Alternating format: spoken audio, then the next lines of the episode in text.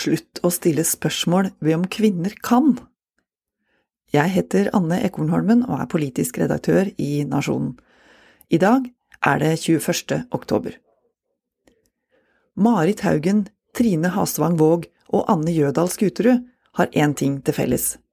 De er styreledere. Men de kan da umulig være helt unikt kompetente? En tredel av landets største aksjeselskaper har utelukkende menn i styret. Flere av dem har bare menn i ledergruppa også. De store landbrukssamvirkene skiller seg ut. Både Nortura, Tine, Felleskjøpet har hatt kvinnelige styreledere i flere år. Allikevel dukker spørsmålet opp, som et ekko fra 50-tallet. Er det mulig å få kvinner inn i alle landbrukets styrer? Er kvinner engasjerte nok? Og vil ikke det påvirke resultatet, altså bunnlinja, at vi fyller styrene med folk som ikke er like interessert? De siste spørsmåla er det melkebonde Elling Aasland som stiller. Han målbærer i Nasjonen en skepsis som sannsynligvis er del av årsaken til at det blir vanskelig å rekruttere kvinner. Oppfatningen om at du ikke kan melde deg som styrekandidat hvis du ikke har agronomutdanning, 30 års erfaring som bonde, tidligere verv på CV-en og generelt er ferdig utlært, eller er mann. I samvirkeforetak med over 1000 medlemmer er det lovfesta at begge kjønn skal være representert i styret. Det må kalles et lavterskelkrav. Har samvirket flere enn ni styremedlemmer, skal det være minst 40% av hvert kjønn i hovedstyret. Næringsminister Jan Christian Vestre fra Arbeiderpartiet har varsla det allerede. Han vil utvide loven til å omfatte flere selskaper. Sjøl om forskning viser at mangfold og likestilling fører til høyere verdiskaping i næringslivet, så går utviklinga utrolig sakte når bedriftene får bestemme tempo sjøl. Storsamfunnet må pushe mer, mener Vestre. Forslaget sendes på høring i høst. For bakstreverske etternølere som ikke ser verdien, verken sosialt, kulturelt, omdømmemessig eller i reine penger, i å rekruttere jevnere, de blir pålagt strengere statlige krav.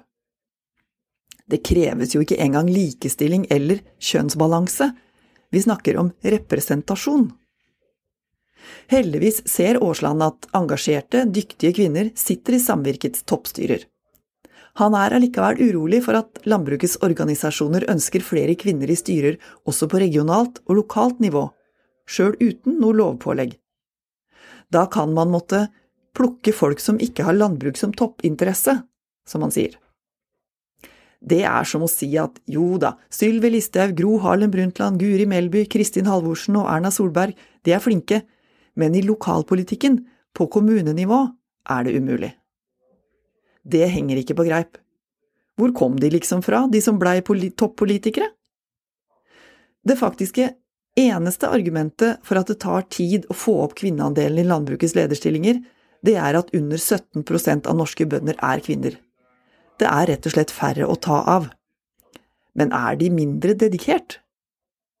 I Aaslands Facebook-gruppe Norske melkeprodusenters interesseforening er bare 8% kvinner, av i overkant 800 medlemmer.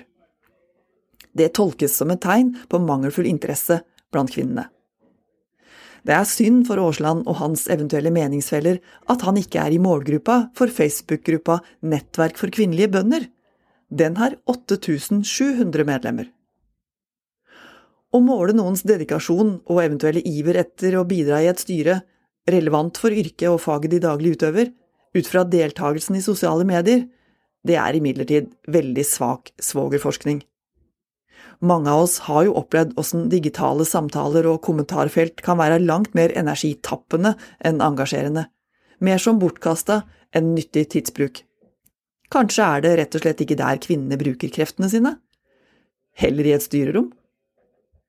De fleste hvite norske menn har liten erfaring med å være i mindretall.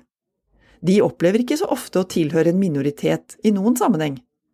Tvert imot er deres hverdag å representere normalen i samfunnet. Det er ikke mennenes egen skyld, det er bare sånn det er.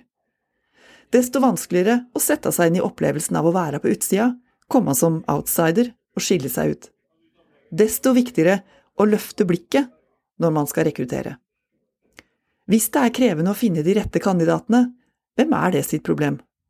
Ligger det hos kandidaten, eller hos organisasjonen som prøver å kapre dem? Øyvind Skarstad leder den sentrale valgkomiteen i Tine. Han opplever at det er mange engasjerte og kompetente kvinner som stiller seg til disposisjon for sentrale verv, sier han til Nasjonen. Det må nødvendigvis gjøres en innsats for å framstå som et interessant og attraktivt selskap å bidra inn i. Der framstår de meningene Aasland bringer til torgs, som kontraproduktive. Og hvis lite blir gjort for å løfte fram, forbedre, ta imot og ivareta mulige nye styremedlemmer eller lederemner, da kommer næringsminister Vestre med pisken. Du har hørt eh, Nasjonen på øret. Jeg heter Anne Ekornholmen, og hvis du vil høre flere kommentarer lest opp, så finner du dem på nettsida vår nasjonen.no, eller der du hører podkast. Vi høres!